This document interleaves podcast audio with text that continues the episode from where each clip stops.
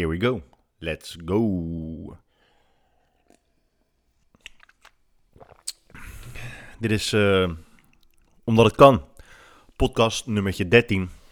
Dit is de tweede keer dat ik deze podcast uh, op ga nemen.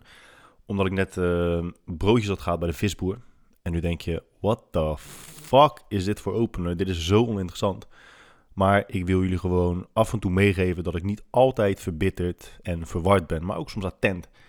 Want ik was aan het eten. Mocht je je trouwens afvragen waarom ik een koptelefoon draag tijdens het opnemen van een podcast, dat is omdat je jezelf dus hoort. En dat is best rustgevend. Ik heb een hele rustgevende, aangename stem. En daar word ik gewoon kalm van. Nee, het is gewoon prettig. Je bent gefocust, je bent niet snel afgeleid. Behalve altijd, zoals ik. Um, maar ik was dus aan het eten en ik had drie broodjes. Broodje zalm, broodje makreel en een broodje gebakken garnalen. En ik was bezig met de zalm en ik hoor mezelf heel de tijd eten. En ik dacht, fucking hell, dit is echt... Want ik was sowieso de eerste vijf minuten bezig met uitleggen waarom ik eerst visbroodjes had gekocht. om vervolgens een podcast op te nemen. En dat was wel irritant. Maar het, geluid was nog irritanter. En toen was ik nog niet eens bij het broodje van de, van de gefrituurde garnalen zelfs. En toen dacht ik, ja, als ik dit, als ik dit ga eten en een podcast op ga nemen, dat is next level. Dan ben ik die uh, vijf volgers die ik heb, ben ik ook kwijt. Dus dat is uh, niet chill. Dus voor jullie welzijn en voor jullie mentale gesteldheid heb ik besloten om uh, de podcast na negen minuten of zo, of acht minuten af te breken. En gewoon weer overnieuw te beginnen. Het zijn zeven minuten die ik nooit meer terugkrijg. Maar dat geeft niet. Maar ja, nou, welkom. Ook deze podcast, nummer 13, weer mogelijk gemaakt door Jimmy Joy en hun Plenty Shakes. Dit is wel gewoon water, dus vergis je niet. En uh, Under Armour, onze vrienden van Under Armour. Weet je, dan ga ik naar de visboer net. En ik ben voor het eerst naar een Nederlandse visboer geweest. En ik had al mijn twijfels, hè, want hij zit hier, ik denk, 200 meter vandaan. Hoe lang is dat lopen? 200 meter? Je loopt 5 meter, 5 kilometer per uur loop je. Nee, het is geen 200 meter, het is nog dichterbij. En uh, ik woon hier al 10 jaar en ik ben eigenlijk bijna nog nooit geweest. Want ik heb altijd een beetje mijn twijfels van ja, het is toch een, Nederlander. En ja, we gaan het zo meteen hebben over hokjes denken en labelen en andere hippie shit. Maar ik dacht, het is een Nederlander en de kans dat hij iets doet wat ik niet leuk vind, is groot. En ik ben ook trouwens gewoon half Nederlands, hè? dus het is uh, niet racistisch om te zeggen. Maar als het gaat om mijn ervaring met Nederlandse horecaondernemers, is dat niet altijd even positief geweest. Maar vandaag liep ik langs met uh, mijn beste vriend en de liefde van mijn leven, Kiba. En ik dacht, nou weet je wat, ik ga even broodjes halen. Dus ik haal dus een broodje zalm, een broodje makreel en een broodje gebakken granalen. Gefrituurde granalen. En ik zeg, meneer de visboer, mag ik daar lekker een beetje citroen, peper en zout overheen? Nee, nee, sorry, het, ging, het was zelfs nog anders. Ik zeg, mag ik daar een beetje citroen overheen? En waarom wil ik er citroen overheen? Nou ja, omdat citroen lekker is op elke motherfucking vissoort in heel de wereld. Ja, sorry, ik heb geen uh, citroen. Je bent een visboer. Zorg er gewoon voor dat je citroen hebt. Het kan niet zo zijn. Ik woon hier tien jaar en hij zit er al sinds die tijd. Hij zit er al een heel stuk langer. Het kan niet zo zijn dat ik de eerste persoon ben die vraagt: hey, heb je misschien een beetje citroen? Dat, dat kan gewoon. Dat is echt, echt onmogelijk. Zeker gezien het feit 95% van mensen hier in de buurt allochtoon is.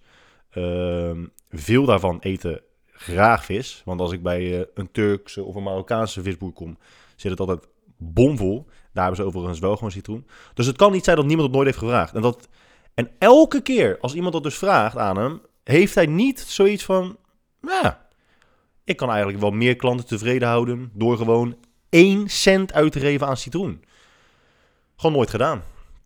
Dus toen dacht ik, uh, nou, doe er dan maar een beetje peperzout op. Ja, ja sorry, heb, ja, heb ik ook niet. Ik heb wel uh, sausjes. Bro. Dan zit je er zo lang en het is echt onvoorstelbaar tegenwoordig dat, dat horecaondernemers niet eens een klein beetje moeite willen doen om je meer service te verlenen dan je thuis aan jezelf kunt geven. Het is echt onfucking gelooflijk. Hoe kan je nou als hoe kan je nou vis... Dude, je bent een visboer. Hoe kan je nou geen kruiden hebben en citroen? Maar ja, hè?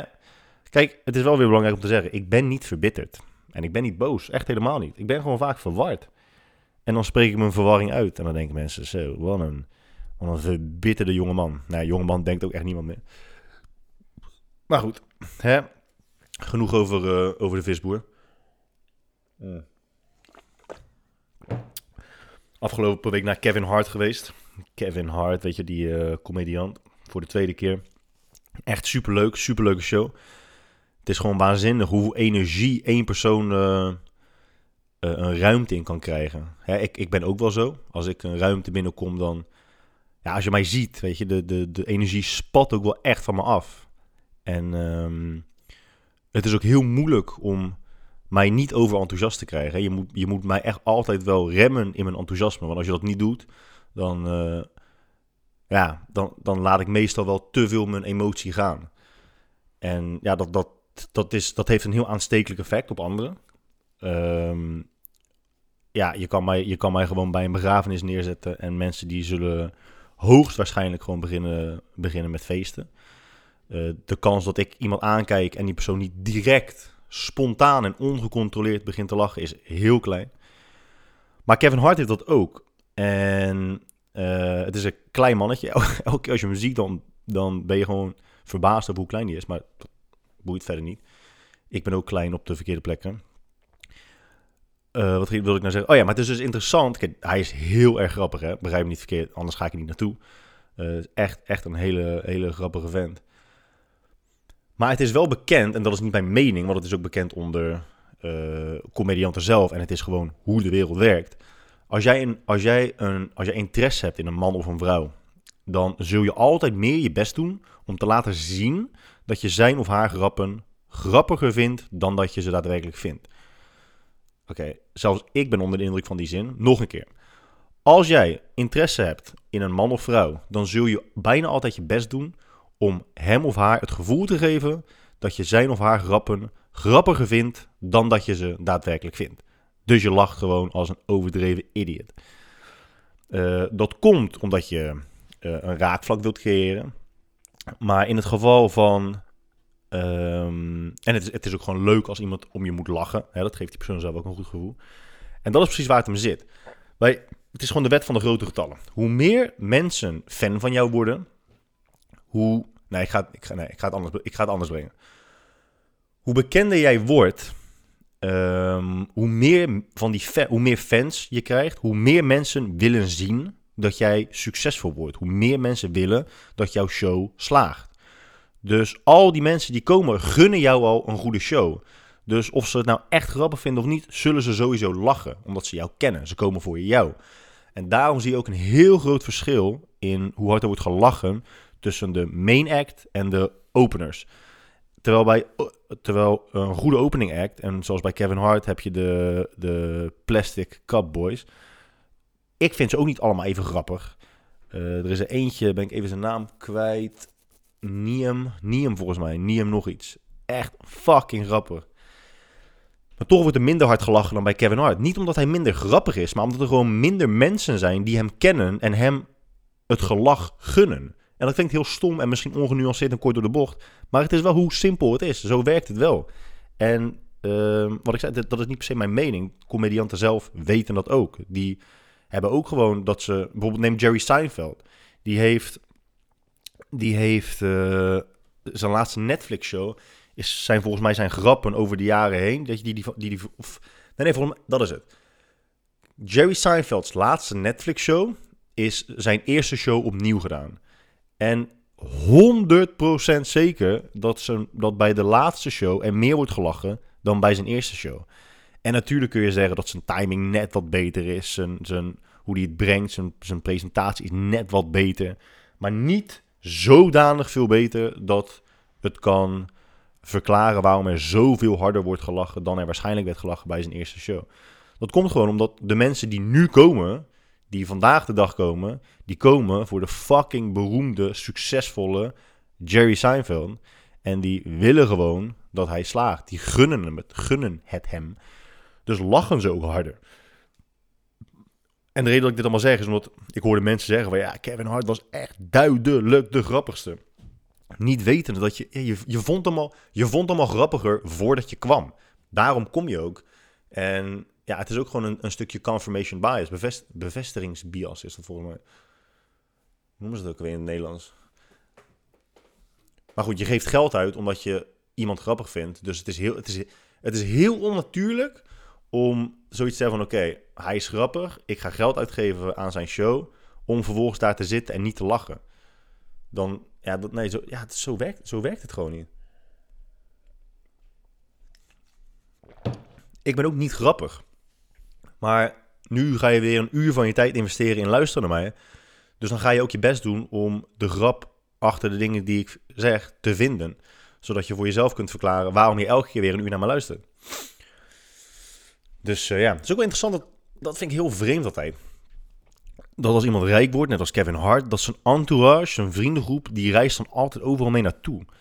Vroeger keek ik ook Entourage en dan heb je die, uh, die gast, weet je wel, Vincent Chase, Vinny Chase, die wordt dan uh, van een onbekende acteur razend populair, wordt fucking rijk, koopt alles voor zijn vrienden. Maar zo gaat het in het echt ook en dat is zo bizar.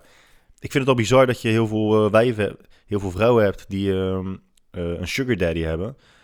Ik moet eerlijk zeggen, dat als ik een vrouw was en ik was gruwelijk lekker, had ik waarschijnlijk ook gewoon een sugar daddy genomen. Want eerlijk, um, waarom niet? Hè? Het zijn meestal van die oude, oude mannen die uh, toch waarschijnlijk niet heel veel meer presteren in bed. Dus het is echt niet dat hij, uh, dat, dat hij 19 keer per week over je heen wilt. Hij rolt waarschijnlijk één keer per week even over je heen om je vervolgens 23 seconden in de missionarispositie te verwennen. En dan ben je klaar. En verder hoef je nooit iets te doen. Je hoeft niet te werken. Je hoeft niks zelf te kopen. Ja, maar waar is je, waar is je zelfwaarde gebleven dan? Ja, fuck dat. Je bent voor de rest van je leven met pensioen. Dat is toch heerlijk? Ja, ik zou dat nooit... Oh, daar heb ik het al een keer over gehad. Ik zou, ik zou dat nooit doen. Nee, jij zou het niet doen, nee. Jij laat je gratis en voor niets naaien. 23 seconden in de missionarispositie. Dus uh, dat is ook gek. Het is best wel gek dat vrouwen kunnen oordelen over vrouwen die geld vragen voor seks, terwijl je zelf gratis neukt. Vrouwen die er geld voor krijgen doen het toch beter dan jij, hè? er wordt zo zwaar geoordeeld vaak door vrouwen over prostituees, over escort dames. Zij doen het echt zoveel beter dan jij. Ja, 100 procent.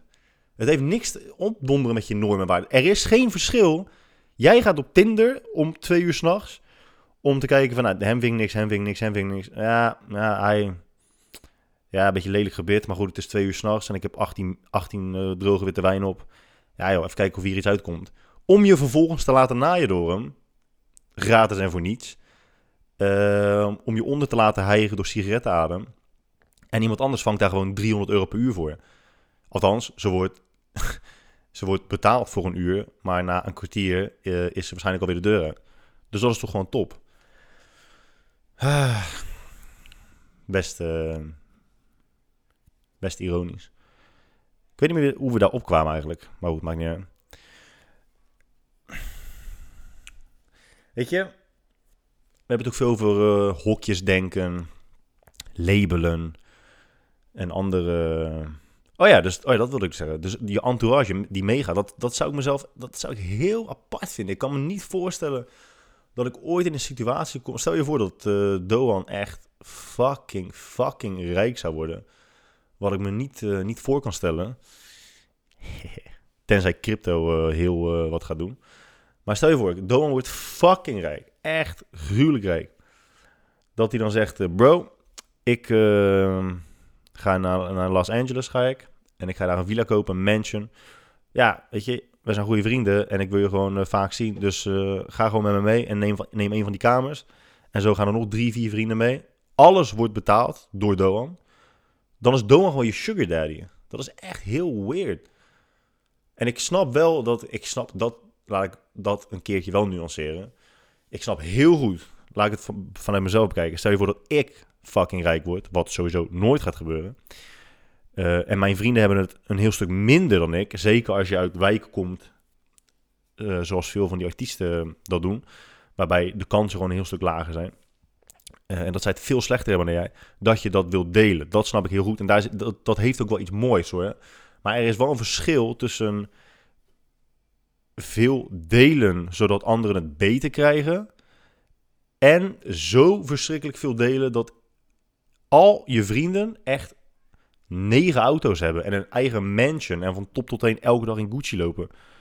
Dat is toch onnodig? Dat is, ja, het lijkt me dan heel moeilijk om de balans of de, de, de, grens, de, grens voor ogen te houden waarbij je onderscheid kunt maken tussen vriendschap en iemand die gewoon misbruik van je maakt. Ik denk dat dat heel lastig is. Ik denk dat je dan continu op een soort van mijnenveld loopt, weet je wel. Waarbij als iemand een misstap maakt, dat je dan gelijk kunt zeggen, bam, ik wist het wel. Ik wist wel dat je misbruik van me maakte.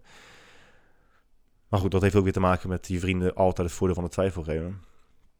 Maar nog steeds is het een interessante concept altijd, die entourages die dan meegaan. Die vriendengroepen, die echt alles, alles laten betalen door de, door de succesvolle persoon van de groep. Vind ik best interessant. Maar wat ik net, zei, wat ik net ook zei, uh, weet je, hokjes denken en, en labelen en andere hippie shit. Het is heel erg ironisch hoeveel daarover gepraat wordt en op welke manier dat gedaan wordt. Ik heb niet mijn telefoon, omdat mijn telefoon gebruikt wordt voor het opnemen van de video. Uh, dus ik kan even de post van Joe Rogan er niet bijpakken. Nou, althans, dat kan wel. Instagram.com slash Joe Rogan. Fuck, ik weet niet wat zijn username is. Voor mij Joe Rogan.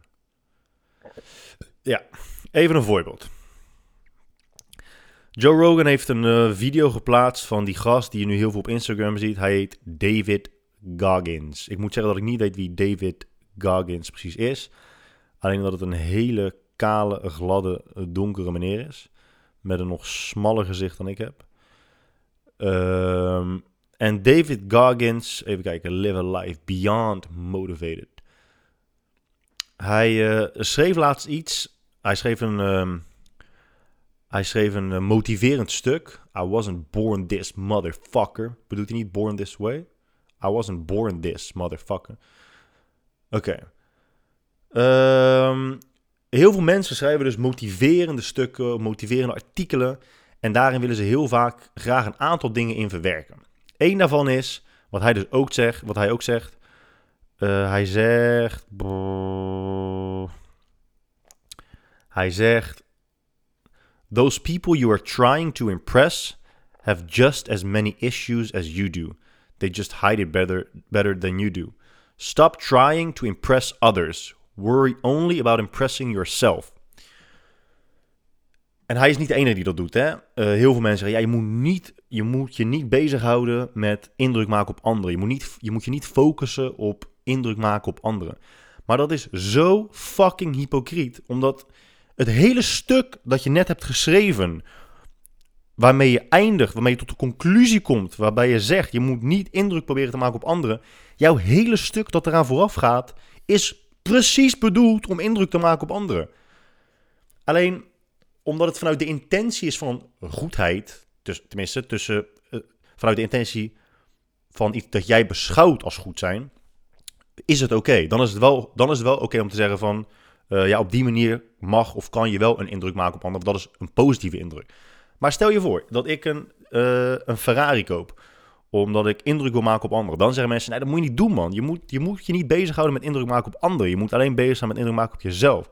Maar waarom is jouw manier van indruk maken op anderen beter dan mijn manier van indruk maken op anderen? Het is exact hetzelfde. Het is precies hetzelfde. Alleen omdat, wat ik zeg, bij de ene is de intentie, wordt de intentie over het algemeen als positiever beschouwd door meer mensen dan iets wat materialistisch en wellicht wat oppervlakkiger is. Dan is, dan is indruk proberen te maken opeens verkeerd. Maar het gaat niet om het gaat niet echt om de manier waarop. Het gaat om uiteindelijk dat je indruk probeert te maken op anderen. En hoe je het ook bent of verkeerd. Als jij zegt, je moet geen indruk maken op anderen. Of je moet niet dingen doen om indruk te maken op anderen. Dan moet je ook geen fucking artikelen schrijven of social media posts met de intentie om indruk te maken op anderen. Die fucking David Goggins is elke post die hij schrijft, elke post op zijn fucking Instagram is bedoeld om indruk te maken op anderen. Het, is zo, het is zo doorzichtig. Het is, het is, ik ga gewoon kippenvel, kippenvel van hoe doorzichtig dit is. Hè? Die dude heeft 455.000 volgers. Joe fucking Rogan repost zijn posts. Elke post van hem is bedoeld om indruk te maken op anderen. Um, je, moet, je moet wel een indruk maken op anderen, wil je iemand kunnen veranderen. Als iemand niet enigszins tegen jou opkijkt of respect heeft voor jouw expertise of intelligentie, dan ga je die persoon nooit bereiken. Laat staan al veranderen. Dus tuurlijk probeer je een indruk te maken op anderen. Deze motherfucker, elke foto en video van hem is zonder shirt. Ik weet niet hoe oud hij is, maar 100% dat hij ouder is dan uh, je denkt. En, en dat de meeste mensen van zijn leeftijd een minder goed fysiek hebben dan hij. Als hij geen indruk probeert te maken op anderen, waarom is elke fucking foto, elke fucking video dan zonder shirt? Oh ja, omdat je indruk wil maken op anderen, you fucking idiot. En dan vind ik het zo echt tenenkrommend als mensen dan dat soort uitspraken doen. Nee, je moet geen indruk maken op anderen. Jouw business is daarop gebaseerd, bro. Echt, alles wat jij doet is daarop gebaseerd. Het draait daarom. En hetzelfde gaat precies over, uh, of geldt precies voor hokjes, hokjes denken. Als jij. Kijk, dit is weer echt zo'n moment dat ik denk: ben ik nou gek of is de wereld gewoon gek? Oké, laat, laat me het uitleggen. Als ik een artikel schrijf waarin ik zeg: jongens, weet je, we moeten allemaal stoppen. Je moet, nee, ja, we moeten stoppen. Of je moet stoppen. Of ik raad je af om in hokjes te denken. Ik raad je af om te labelen. Dat is nergens goed voor. Hokjes denken is verkeerd. Hokjes denken is generaliserend. Labelen is allemaal oppervlakkig. Op dat moment ben ik aan het labelen. Op dat moment ben ik in hokjes aan het denken. Want op dat moment zeg ik: er zijn mensen die uh, labelen. Wellicht ben jij wel zo iemand. Er zijn mensen die in hokjes denken. Wellicht ben jij dat wel. Ik doe dat niet. Daarom adviseer ik jou ook om het niet te doen. En daarmee zeg je toch automatisch dat er een, een persoon is zoals ik, die niet in hokjes denkt. En een persoon is zoals jij, die wel in hokjes denkt. Dus ik maak toch al direct onderscheid tussen hoe ik denk en hoe ik ben. En hoe jullie zijn of hoe jij bent. Dat is, dat is toch ook alweer in hokjes denken. Maar ik noemde net hippie shit, omdat het, het bekritiseren van hokjes denken en labelen gewoon van die new age bullshit is. In hokjes denken en labelen is gunstig. Het is, het is, um, het is efficiënt, effectief, omdat je patronen leert herkennen um, en patronen leert onthouden. Het laat ons verbanden leggen. Hè? Kijk, als, als ik tegen jou zeg: Hey uh, uh, Frits, um, Nee, wacht. Ja, oké. Als, ik, als ik tegen jou zeg, uh, hey, ik ben een personal trainer, aangenaam. Ik ben Guy 30 jaar. Ik heb in mijn verleden een aantal tegenslagen gehad. Ik heb acht kinderen vermoord. Maar goed, ik ben vrijgesproken. Ik weet ook niet hoe dat kan. Maar goed, dat is wel gebeurd. En nu geef ik personal training. Ja, dan denk je toch gelijk van, holy shit, ik ga nooit personal training doen bij jou. Ik kan de beste personal trainer van de wereld zijn, maar omdat mijn omdat er een label aan mij hangt van je bent een fucking moordenaar, uh, heb je al zoiets van oeh, dat doe ik niet. Dat is efficiënt, dat is effectief. Je hebt gelijk zoiets van oké, het verband tussen iemand die fucking kinderen heeft vermoord en iemand die gestoord is, hè, ligt best wel dicht tegen elkaar aan. Dus die persoon wil ik liever vermijden. Als jij durft te stellen dat je nooit in hokjes moet denken, nooit moet labelen, zeg je eigenlijk, no matter what, het maakt echt absoluut niet uit wat iemand zegt of wat iemand heeft gedaan. Die persoon, ik blijf altijd met zo'n open blik, een open houding, iedereen omarmen. Tot, je bent geen Jezus Christus. Labelen is gewoon heel erg. Dat is een van de redenen dat we ook als mens hebben uh, uh, kunnen overleven. Uh, roddelen is een heel groot onderdeel van waarom de mens heeft kunnen overleven als soort. Want je leerde daardoor, als wij, als ik um, als je met je stam kon roddelen over anderen, dan kon je makkelijker en sneller bepalen wat je aan andere mensen binnen of buiten de stam kon hebben. Um, en als mensen over je roddelden en dat was vooral negatief, dan werd je heel snel buitengesloten. En dat, dat is gewoon effectief voor het overleven van niet alleen het soort, maar ook van, van, van, van, uh, eh, van de stam, van de tribe.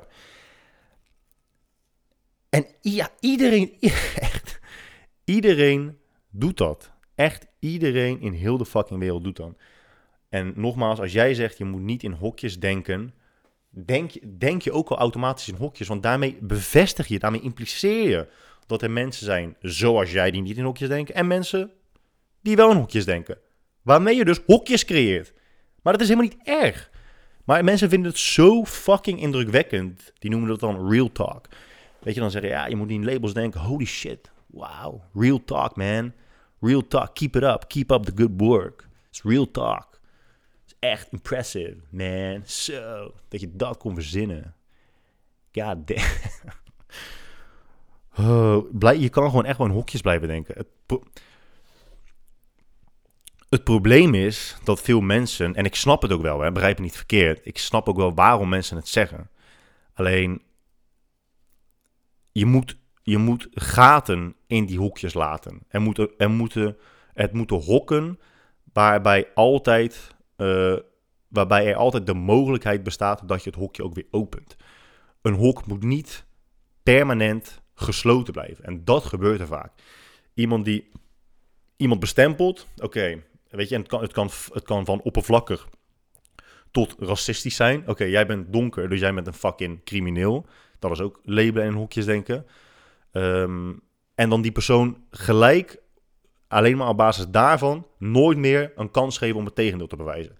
Dat is wel slecht, dat snap ik ook wel. Maar dan ga je, dan ga je al veel verder praten dan alleen maar over hokjes denken. Dat is, veel, dat is, dat is te ongenuanceerd. Ik ben niet altijd ongenuanceerd. God damn it. Maar uh, ja, dus dat, dat, is, dat is wel belangrijk. Je kunt wel hokjes denken, je kunt iemand wel een label geven, maar blijf wel open-minded en flexibel genoeg om iemand in ieder geval de mogelijkheid te geven om het label eventueel af te halen, of nee, af te halen niet, maar te veranderen of uitgebreider te maken. Hè? We willen vaak, als we labelen of in hokjes denken, maken we het vaak te, um, te kort door de bocht. Dus jij bent dit, jij bent dit, jij bent dit. Gewoon in één woord of in vier woorden. En een label kan ook gewoon een boekwerk zijn. Zo. Dat, dat was pas real talk.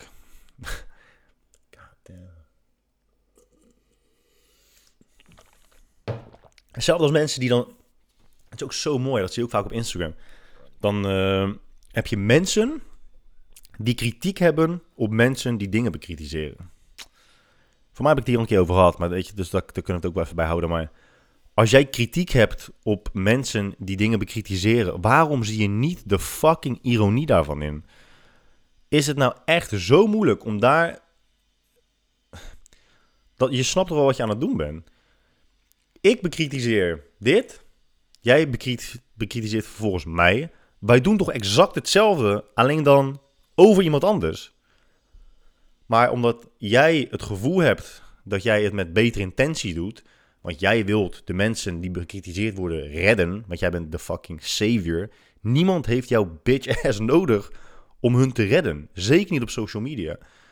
Dus je kunt jezelf wel wijsmaken dat jij uh, um, ethisch superieur bent of moreel superieur bent aan iemand die bekritiseert. Maar je doet exact hetzelfde. Dus maak jezelf nou niet wijs dat we wat anders aan het doen zijn. Alsjeblieft. Alsjeblieft. We kijken nu, uh, met we bedoel ik, mijn vriendin en ik. ik ben even buiten adem, jongens. Dit is de meest uh, intensieve cardio die ik de laatste uh, eh, 28 jaar heb gedaan. even een slokje water.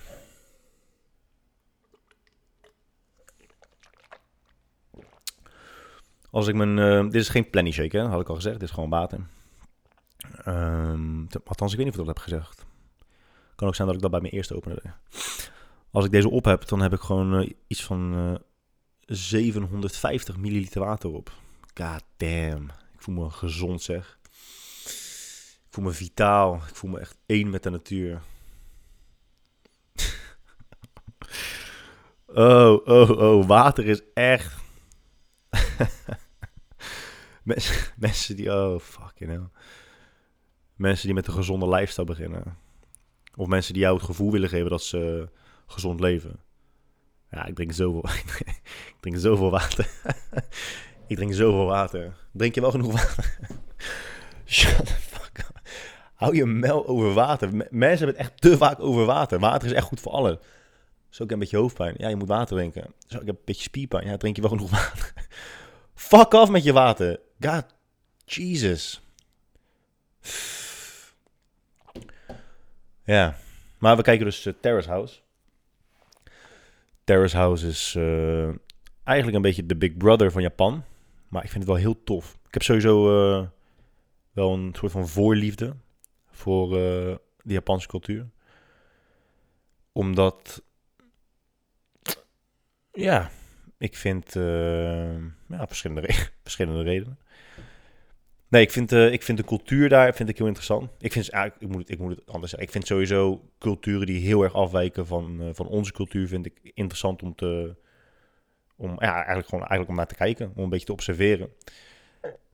En um, het meest interessant bij Terrace House is... Als je trouwens helemaal niks met culturen hebt... Met andere culturen die echt heel erg afwijken van onze cultuur... En dan met name de Japanse cultuur... Want dat kan nog behoorlijk anders zijn... Zo dan je gewend bent. Oeh, ik heb een beetje maagzuur. Misschien drink ik te weinig water. uh, nou ja, in ieder geval iemand die om uh, mijn grappen lacht. Ikzelf. Maar als je daar dus niks mee hebt, dan moet je echt geen uh, Terrace House kijken. Want dan, vind je het echt heel erg saai. Wat ik zo mooi vind, is dat ze oprecht, en niet altijd. Hè, nu, nu ga ik weer iets zeggen en dan heb je van die mensen die zeggen... Ja, mijn aflevering 28 was dat echt niet zo hoor. Dus niet altijd, maar gewoon even in de algemene zin zie je dat Japanners over het algemeen dus oprecht interesse hebben in elkaars, in andermans mening over hunzelf. Dus dat als ik jou een vraag stel van uh, wat je van mij vindt, dat ik oprecht interesse heb in jouw antwoord. En dat is daar heel normaal. In Nederland is de cultuur wat meer gesloten. Hè? Alles wordt een beetje achter je rug onbesproken. Of alles wordt een beetje opgekropt. Je slikt alles weg. Huh, je slikt alles weg. Uh, en daar is het anders. Daar is het echt zo van, uh, als iemand iets verkeerd doet, dan gaan ze nadenken van, oké, wat heb ik verkeerd gedaan? En dan is het ook echt vaak bijna binnen gewoon dezelfde dag nog dat ze naar elkaar toe gaan. En dat ze dan zeggen, ik heb uh, nagedacht over wat ik vanmiddag heb gedaan, of ik heb nagedacht over wat ik gisteravond heb gedaan. En ik realiseer me dat ik daardoor bijvoorbeeld heel onvolwassen overkwam. En daar wil ik mezelf voor verontschuldigen. Het spijt me. En ze hebben natuurlijk met dat hoofdbuigen er vaak bij, weet je, om, om nederigheid en onderdanigheid te, te tonen in zulke situaties. En um, dan krijgen ze vaak ook feedback van, ja, dan zeggen ze, ja, ik vind dit en dit. Ja, nou ja, als je het zo brengt, als je het op die manier zegt, dan geef ik je inderdaad helemaal gelijk. En alsjeblieft, waag het nou niet om te denken van, nou ja, guy, dan heb jij gewoon een hele rare vriendengroep. Want uh, in mijn vriendengroep gaat het ook precies hetzelfde. Als je nog niet doorhad dat ik redelijk open ben en mijn uh, hart op mijn draag. Zeg je dat zo? Nee toch? Hoe zeg je dat ook weer? Hart op de tong hebben. Is dat het? Hart op de tong hebben. Zeggen wat men denkt. hey, ik zei het gewoon nog goed ook. Als je nog niet uh, door had dat ik mijn hart... Oh nee, zei ik dat, zei ik weer? Dat zei ik wel, ja. Als je nog niet door had dat ik uh, mijn hart op de tong heb, dan, uh, ja, dan is er echt iets heel erg geks aan de hand. Dus ook binnen mijn vriendschap is uh, alles heel erg open en direct. Niet altijd, maar meestal wel. Maar daar is het wel echt nog een stapje verder. En dat vind ik, uh, vind ik mooi om te zien.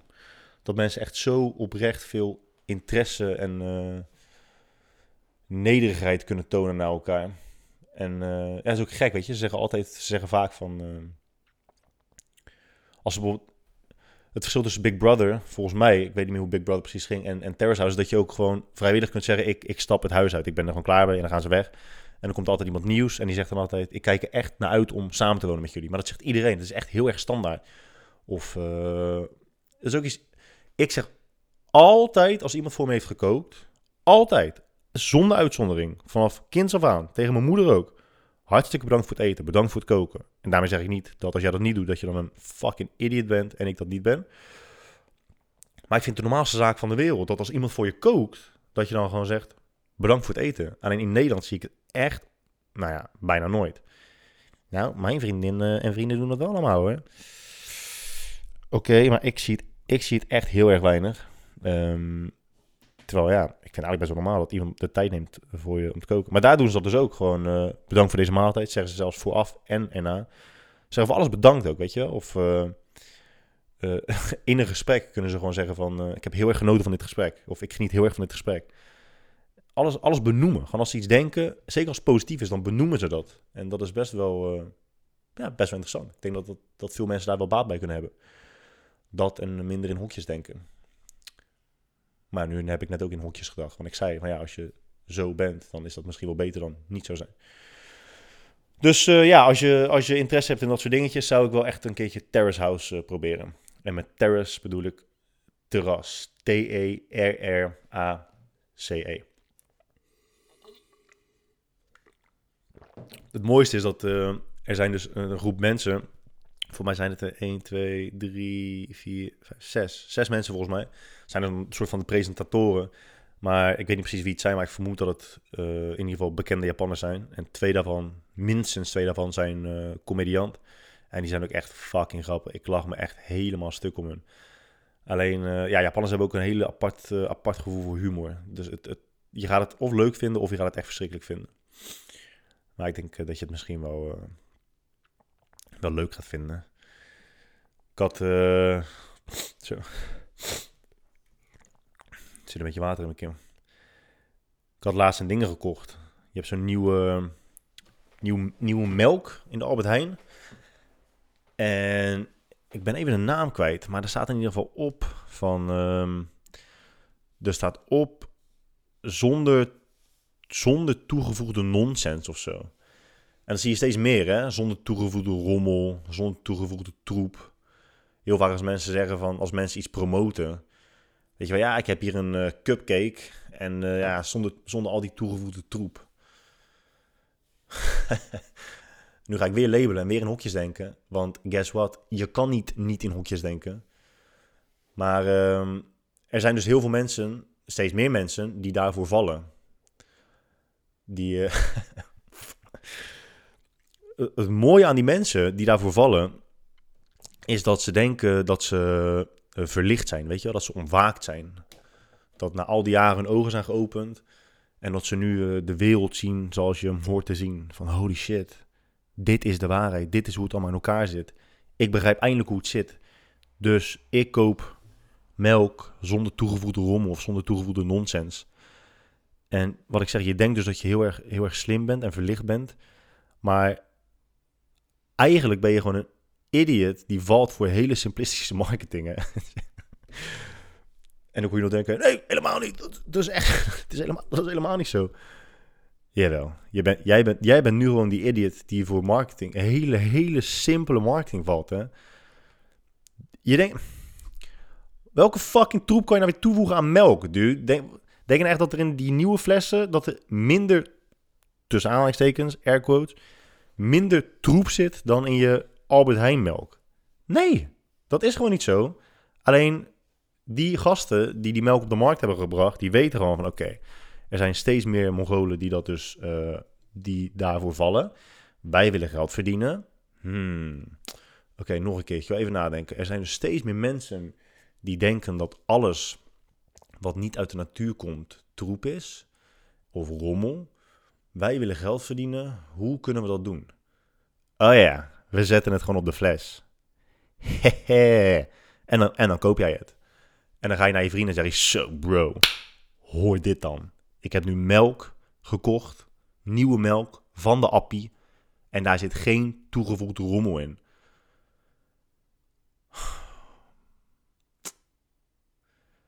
Het is niet erg dat je zo bent, hè. Dat, dat maakt echt helemaal niet uit. Alleen, uh, en het, je kan het mij nu ook horen zeggen en nog steeds gewoon mij niet geloven. Dat, dat, dat hoeft ook echt niet. Je kan echt oprecht denken dat, dat melk, waar dat niet op staat, dat dat vol zit met rommel en troep en chemische stoffen. Dat is de mooiste. Zonder toe.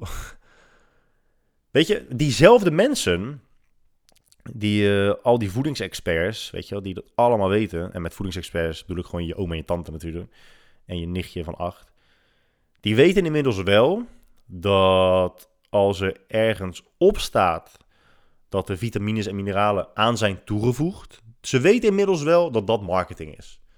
Hè, dus de toevoeging van iets op de verpakking zetten, dat is marketing, dat snappen ze. Van ja, maar ja, er zit nog steeds suiker in. Of ja, maar ja, er zit nog steeds dit in. Alleen de afname van iets en dat op de verpakking zetten, dat is geen marketing. Nee, nee, nee. Dat, dat is de truth. Dat is real talk.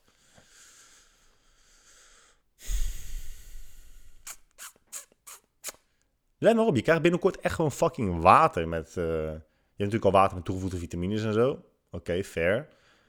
Maar je hebt ook gewoon binnenkort krijg gewoon ja, water, maar dan zonder de chemicaliën. En dan krijg weer van die lompe dweeps op Instagram van holy shit, ik heb nu spa zonder chemicaliën. Het is gewoon marketing, jongens. Kom op zeg. Je bent toch niet fucking achterlijk. nogmaals, hè, ik ben niet boos. Ik ben niet bitter. En ik ben echt niet arrogant. Ik denk echt niet dat er mensen zijn die beter zijn dan andere mensen. Nou, oké, dat denk ik wel. Maar ik denk niet dat ik beter ben dan andere mensen. Ik heb laatst ook met Doan over gesproken. En voor mij heb ik het ook... Dat is kut. En voor mij heb ik dit ook een keer gezegd. Dat zodra je een podcast hebt, dan weet je echt niet meer wat je nou wel en niet hebt besproken. Zeker aangezien dit aflevering 13 is. Dus dat betekent... Oh nee, dan ook nog de aflevering met Jammer de Boer. Die was 3,5 uur of zo. Laten we zeggen dat die 3,5 uur was. was. Die andere was een half uur. Dat is 4 uur. We hebben nog 11 afleveringen. Dat is 11 uur. Dat is 15 uur aan gelul. Je kunt je voorstellen dat dat best wel uh, verwarrend is. Dat je dan gewoon niet meer weet wat je hebt gezegd en wat niet. Maar ik had er laatst, even met, uh, met Doan over. Dat hij en ik zijn heel slecht in small talk. Dus, in, uh, dus in over koetjes en kalfjes praten. En mensen denken vaak dat je arrogant bent als je um, het niet interessant vindt wat zij tegen je zeggen. Ja, ik heb het 100% al een keer besproken, man. Maar ja, heel veel mensen luisteren maar één aflevering kappen er mee. Dus ik kan het net goed weer een beetje bespreken. Ik praat gewoon niet graag over mijn werk. Ik kan me niet voorstellen dat een vriend van mij aan mij vraagt van... Uh, yo, uh, bro, hoe was, je, hoe was je werk? Nou, moet je luisteren. Ik had vandaag een klant. En uh, ja, die moest 12 herhalingen dumbbell benchpress doen. die deden maar 9. Maar er zijn echt heel veel mensen die op die manier zulke oninteressante dingen vertellen over hun werk. En kijk, bij iedereen vindt fitness leuk en iedereen doet naar fitness.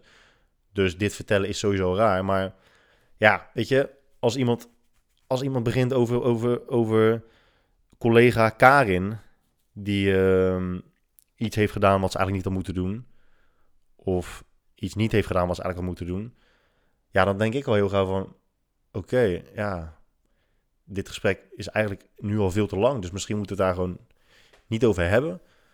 Maar ik heb altijd heel snel het gevoel dat ik mensen tot last ben. Zo ben ik gewoon opgevoed. Wij zijn zo opgevoed dat als je uh, langs wilde gaan bij iemand, dat je dan ook echt moest vragen van, hè, vind je het oké als ik langskom? Uh, vind je het oké als ik blijf eten? Uh, vind je het goed dit? Vind je het goed dat? Gewoon altijd, dat is gewoon beleefdheid, hè? Um, dus ik heb altijd heel snel het gevoel dat als ik dat, als ik dat niet soort van aankondig of vraag of vooraf bespreek, dat je dan opdringerig bent en, en misschien wel tot last bent. Niet zozeer tot, meer opdringerig dan tot last zijn. Ik vind het gewoon echt heel belangrijk dat ik niet tot last ben voor iemand. Um, dus ik heb ook altijd heel snel de neiging om als het, als het voor mijn gevoel niet echt interessant kan zijn, uh, of in ieder geval iets anders is dan wat de meeste mensen gewend zijn om te bespreken, ja, dan, dan doe ik het gewoon niet. Dus als iemand aan mij vraagt, ja, hoe was je dag? Ook als cement uitvragen, ja, als er echt dingen zijn die echt, echt afwijken van de standaard, dan zal ik het wel vertellen. Maar verder is het gewoon, ja, mijn dag was gewoon, was gewoon prima. Hetzelfde, gewoon uh, PT en uh, podcasten, lullen en een beetje achter de computer zitten. En that's it.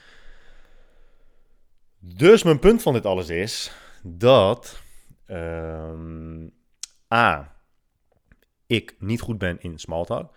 Dan laat ik iets anders zeggen. Je kan ook wel het is echt niet dat als Doan slecht is in smalltalk en ik ben slecht in smalltalk, dat alle gesprekken die je dan hebt fucking zwaar zijn. En dat je denkt, huh, ik ben echt uitgeput na het gesprek. Je kan nog steeds hele luchtige gesprekken hebben, maar wel over iets, of wel echt, ja, wel over een onderwerp, wel, wel over raakvlakken. Weet je, je moet, je moet, dat is toch ook het voordeel van een vriendschap. Dat je echt raakvlakken hebt en dat je daarover kunt praten. En het mooie of het irritante ook weer van smalltalk is dat mensen, je hebt twee mensen en het gaat dan over twee compleet verschillende dingen, over zijn werk en over zijn werk, over haar werk en over haar werk. Hebben niks met elkaar te maken. Echt helemaal niks. Je had er waarschijnlijk bij moeten zijn om het irritant te vinden. Of je had er waarschijnlijk bij moeten zijn om het grappig te vinden. En dat soort dingen vertellen ze dan de hele tijd aan elkaar. Dus dat moet je eigenlijk gewoon niet doen, vind ik. Ik vind dat, ja. Als het even kan. Of je het dan gewoon niet kan, je het gewoon niet kan doen. Ehm, ja. Ik heb nu zoveel punten door elkaar gemaakt, hè, dat ik echt, nu ben ik wel echt de draad kwijt. Ja, ja, ja, ja. Ehm, ja, dus een van de dingen die ik ook zei was dat je, dat je vaak als arrogant wordt bestempeld als je, als je niet naar, naar anderen kan luisteren. Maar ik, kan, ik, luister, ik luister echt heel graag naar anderen. Ondanks dat je niet zou denken, vooral door deze podcast waar ik alleen maar aan het lullen ben, ben ik meer een luisteraar dan een praten. Ik, ik luister heel graag ook in een groep naar anderen. Ehm, maar ja, als ik, als ik ook niks kan zeggen, vind ik dat echt heel erg prettig eigenlijk.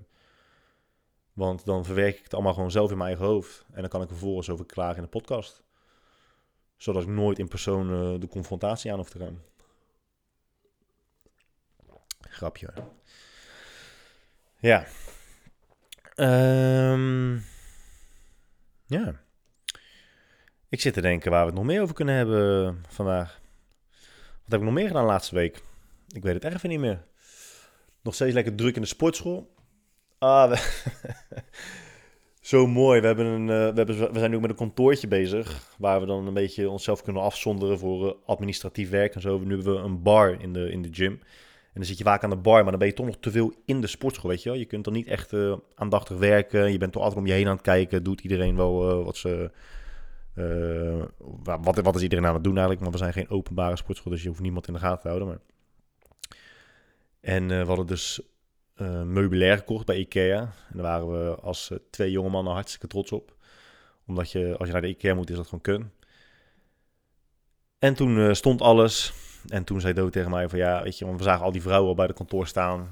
Niet al die vrouwen. Fucking hell, dat klinkt echt heel fout. Het is niet dat we een hele groep vrouwen naar de gym hadden gebracht om naar ons kantoor te kijken. er was een vrouwengroepstraining die avond. En ehm, die stonden dus allemaal naar het kantoor te kijken. En toen zei Dood tegen me, ah oh bro, dit, dit gaat zo irritant worden. Iedereen gaat dadelijk zijn mening geven. En iedereen gaat zeggen, oh, dit is niet goed en dat moet anders en dat moet anders. Maar ja, fuck dat. Hij was super enthousiast. Ik was iets minder enthousiast, maar hij was heel erg enthousiast. En niets of niemand zou zijn mening veranderen. En vijf minuten later zei hij, alles moet anders. ja, ik weet eigenlijk niet waarom, maar we wilden een soort van kosten besparen. Ja, ik weet niet, ik weet niet zo goed waarom eigenlijk. Maar we hadden dus een heel goedkoop bureau gekocht van de IKEA. Maar dan heb ik het echt een goedkoop bureau. Weet je, een, goedkoop, een goedkoopste bureau is gewoon twee poten met een plank erop. En dan staat het daar. Ja, weet je, en dan is dat bureau is gewoon goedkoper dan de verf die op de muur zit. En dan staat, en dan staat er een, komt er een iMac op te staan. En het is zo fucking cheap ass. Dus nu dat alles staat, gaat alles uh, weer weg. En dan gaan we weer uh, iets anders doen. Dus mocht je nog uh, tips hebben voor, voor leuke bureaus, laat het ons dan vooral weten. Mocht je nog bureau-influencer zijn. Ben je me opvallen? Ah, lekker zeg. Heb je dan wel eens dat je begint te krabben op je achterhoofd en dat je gewoon op een gegeven moment uh, je nagels gewoon achter je oogbollen voet bewegen? Uh, soms kan ik ook gewoon niet stoppen. Laatst las ik zo'n meme van, heb je wel eens, of dat las Doan volgens mij voor, dat als je soms uh, in je ogen begint te wrijven, dat je op een gegeven moment echt in een andere dimensie terechtkomt. Dat is ook lekker als je op je hoofd trapt, man. Oh ja, wat je de laatste tijd veel op Instagram ziet, dat, dat snap ik ook niet zo goed. Eigenlijk snap ik echt helemaal geen... 15 uur ben ik al aan het lullen over dingen die ik niet begrijp. Eigenlijk moet ik een podcast starten over dingen die ik wel begrijp. Dan is het echt drie minuten en zijn we klaar. Dit, is, dit zijn dingen die ik wel begrijp.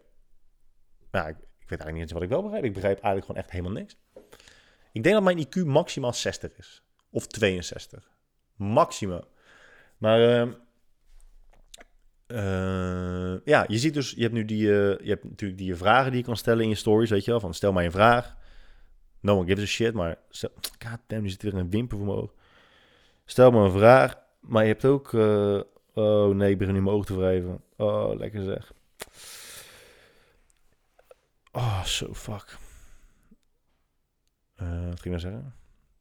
Oh ja, dus, maar je hebt ook polls van, uh, hè, moet ik, eh, moet ik eh, cola nemen of cola light? En dan zei nou ja, even, tussendoor nog.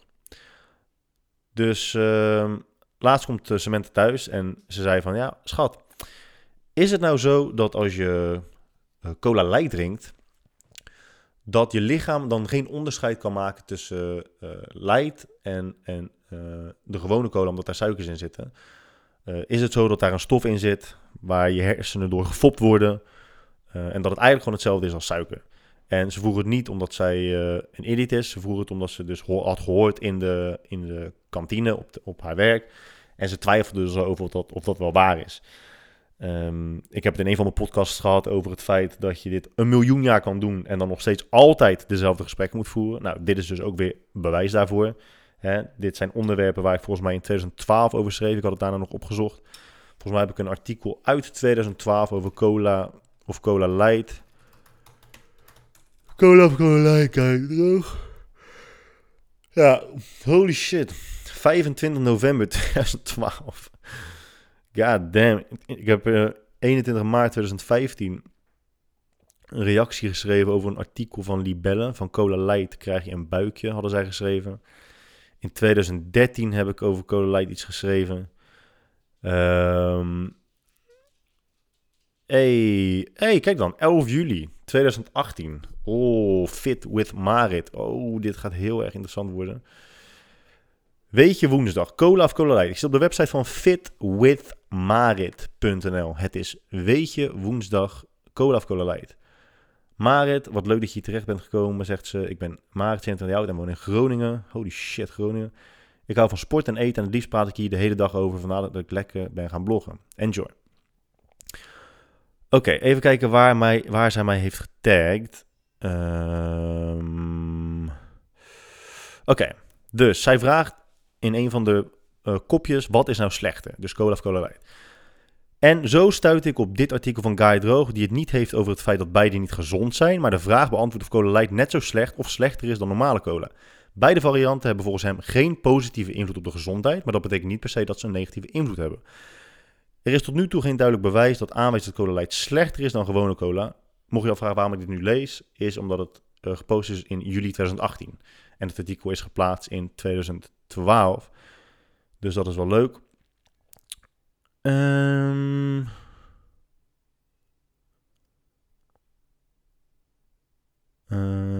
Ja. Oké, nou ja. De conclusie van haar verhaal is dat ze af en toe wel een colaatje light uh, drinkt. Dus...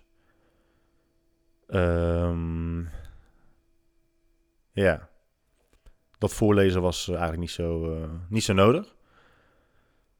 Maar um, ja, Samantha voelt dus is het zo.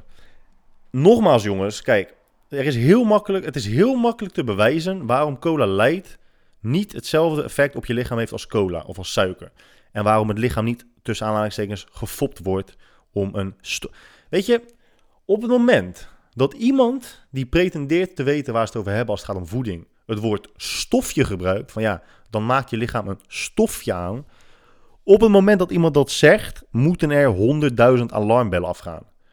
Als een accountant tegen jou zegt, ja, uh, ja dan heb je gewoon zo'n uh, getal voor. Dan denk je er ook, bro, what the fuck zeg je nou? Welk getal? Welk getal?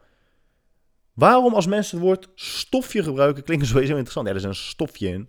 Of dan wordt een stofje vrijgemaakt. Waarom vraagt er nooit iemand, oké, welk stofje dan?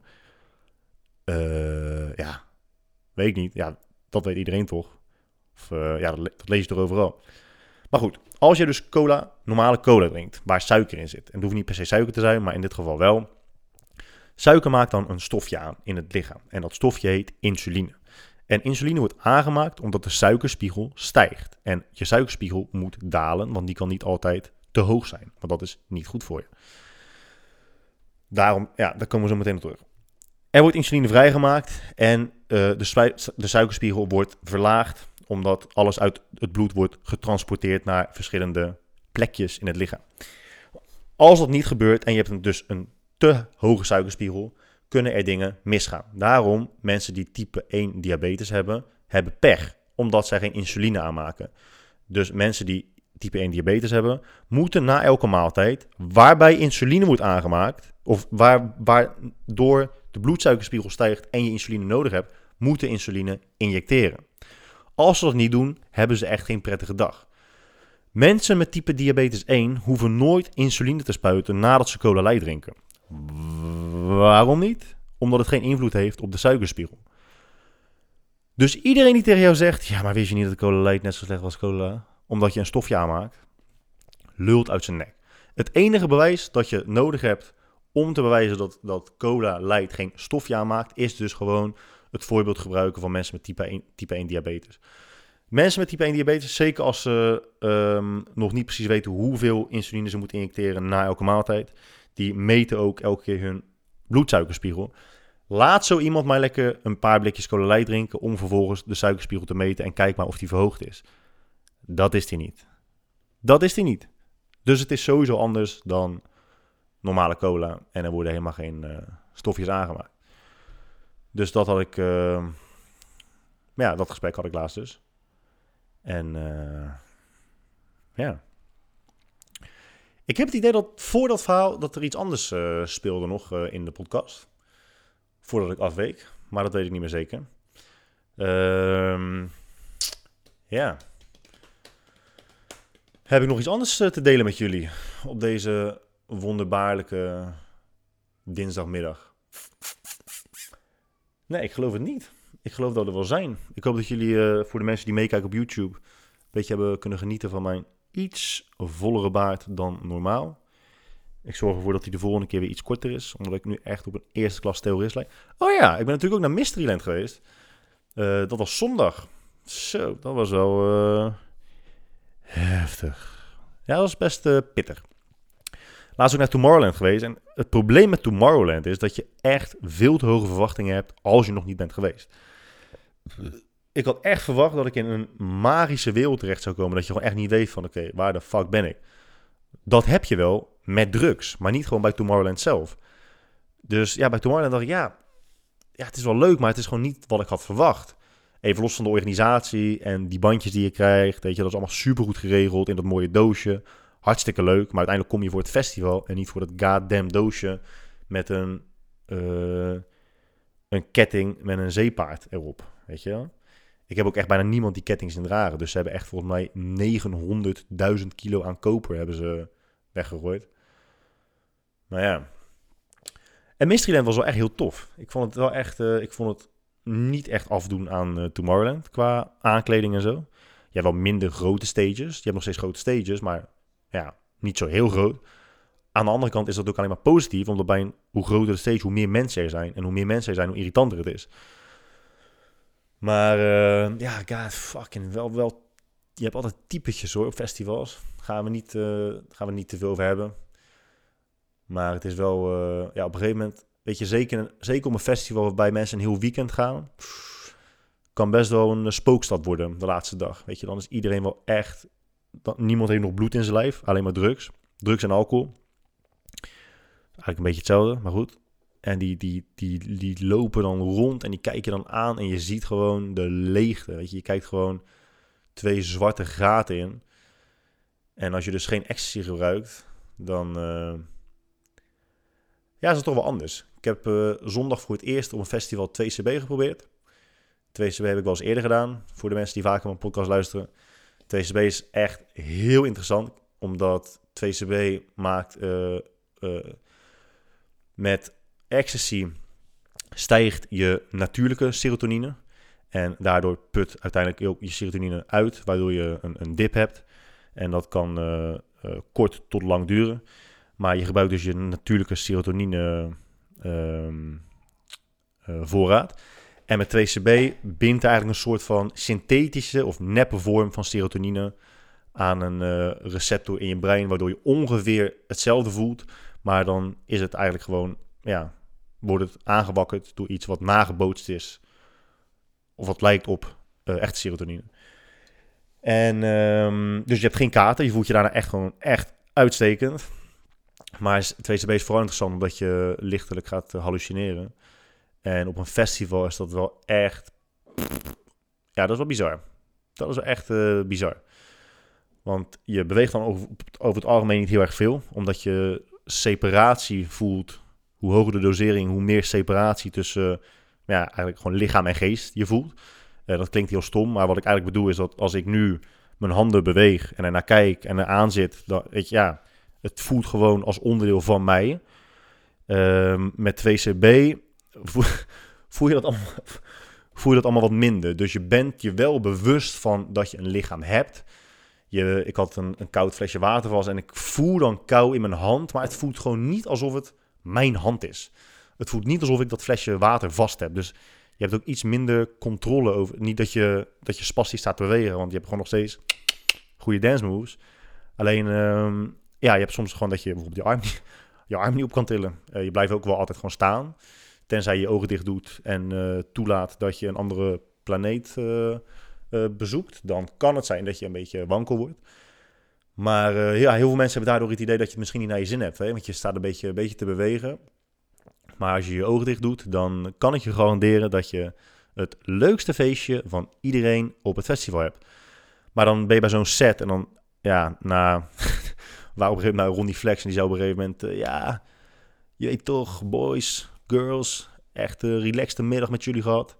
En ik dacht, holy shit, een middag. Bro, ik sta hier voor mijn gevoel al een maand. Dit is echt bizar. Want je, ja, je gevoel van tijd verdwijnt gewoon echt compleet. Um, uh, ja. Ja. Nee, maar 2CB is wel echt een, een aanrader op festivals. Echt uh, heel leuk. Niet dat ik ooit, ooit, ooit druk zou adviseren. Aan wie dan ook. Ik zou uh, te allen tijden wegblijven van de... Ik zeg nu net te allen tijden. Dat moeten we ook heel even bespreken. Mensen zeggen altijd, of schrijven altijd, ten alle tijden. Of ten allen tijden. Maar het is te, T-E, spatie, A-L-L-E-N, tijden, T-I-J-D-E. Te allen tijden is het. Dus uh, ja, als je dat vanaf nu ook uh, goed kan doen. Oh ja, en ik zou het ook nog even hebben over, uh, over een jonge man die ik ken van Instagram. Jacco heet hij. Leuke roze. Ik heb hem eigenlijk nooit in het echt gezien. En ehm, ja, ik denk dat we dat ook wel gewoon even zo gaan houden. nou ja, dat, dat, weet je nooit. Want we hebben, we hebben dezelfde auto. Alleen heeft hij eh, een paar dingen niet of wel. Dus een paar dingen die ik niet heb, heeft hij wel. En uh, een paar dingen die ik wel heb, heeft hij niet. Dus ik heb een panoramadak, uh, wat hij niet heeft. En dat is gewoon echt kut. En wat hij wel heeft, zijn 600 van die geurdingen in zijn auto. En dat is ook gewoon kut. Dus hij heeft aan zijn spiegel heeft hij, een, heeft hij zo'n dumbbell van day one hangen. Nou, dat doe je gewoon niet.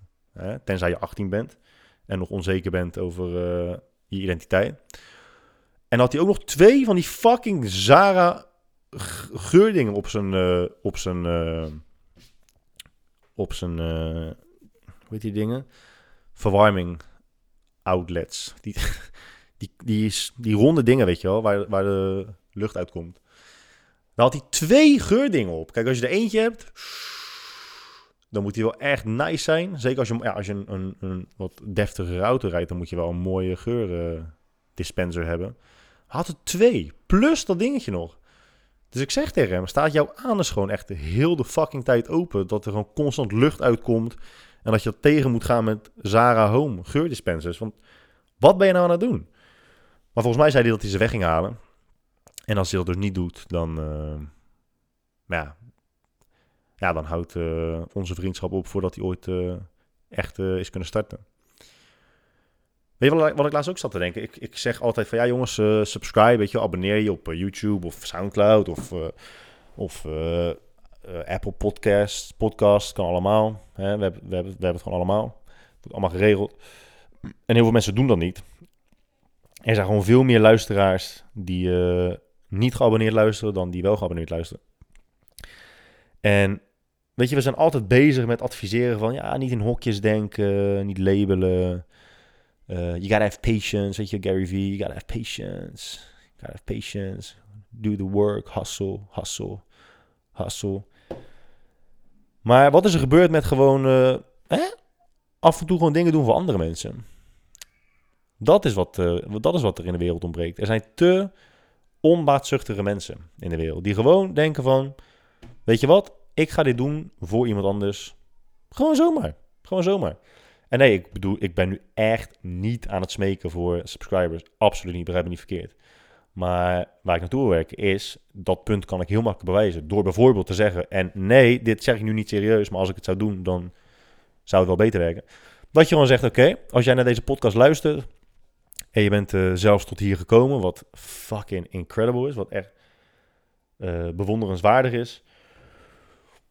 Maak dan een screenshot van de video die je aan het kijken bent of van uh, het clipje die je aan het luisteren bent. post het op Instagram, tag mij daarin. En als je dat doet, dan maak je kans op het winnen van whatever. Dat is nog het ergste. Het maakt niet eens uit wat je zou kunnen winnen. Je zou een fucking oude schoen kunnen winnen en dan zou je het doen. Want zodra er iets uh, tegenover staat, ja, ja, ja, ja, ja, ja, ja, dan staan mensen te springen om iets voor je te doen. En dat is zonde. Want, uh, want wat mensen denk ik wel onderscheiden tijdens hun carrière, en uh, daar moet ik mensen als Gary Vee en, en hoe heet die gast nou?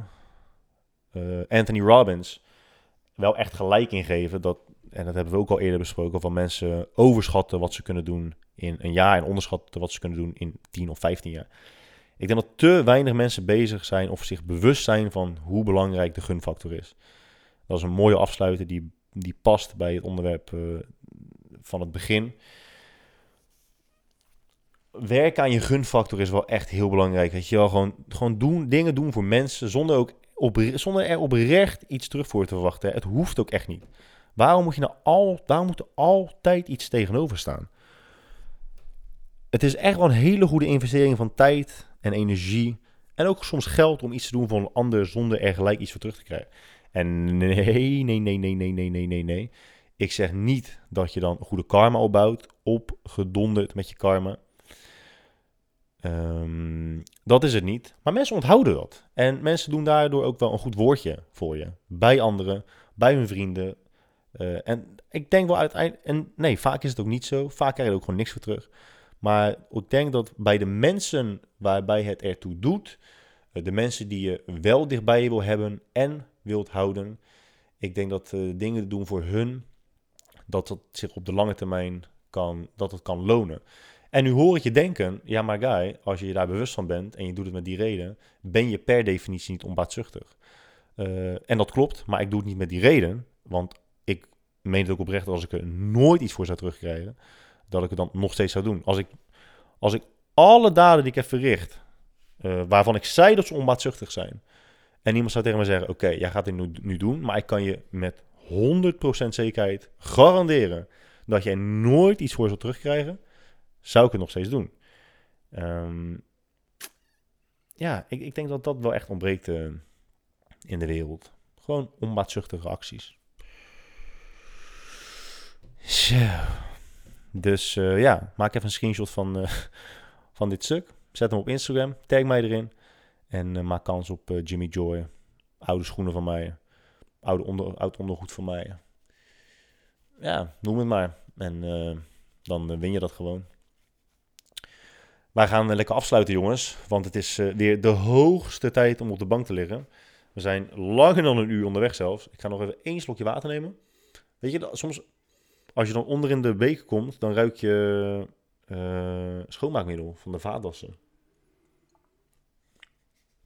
Dus nu drink ik water met uh, toegevoegde chemische stoffen. Dus de volgende keer, de volgende podcast heb ik water zonder toegevoegde nonsens en zonder toegevoegde rommel. Ik wens jullie allemaal weer een waanzinnig, waanzinnige week toe. Geniet ervan. Het maakt niet uit wat je wilt bereiken in het leven. Het kan allemaal. Er is niets, werkelijk niets in de wereld dat onmogelijk is. Zolang je hard er maar naar staat en je hard genoeg werkt. Want vergeet ook niet dat hard werken altijd van talent wint. Tenzij talent ook hard werkt. Dan ben je gewoon fucked.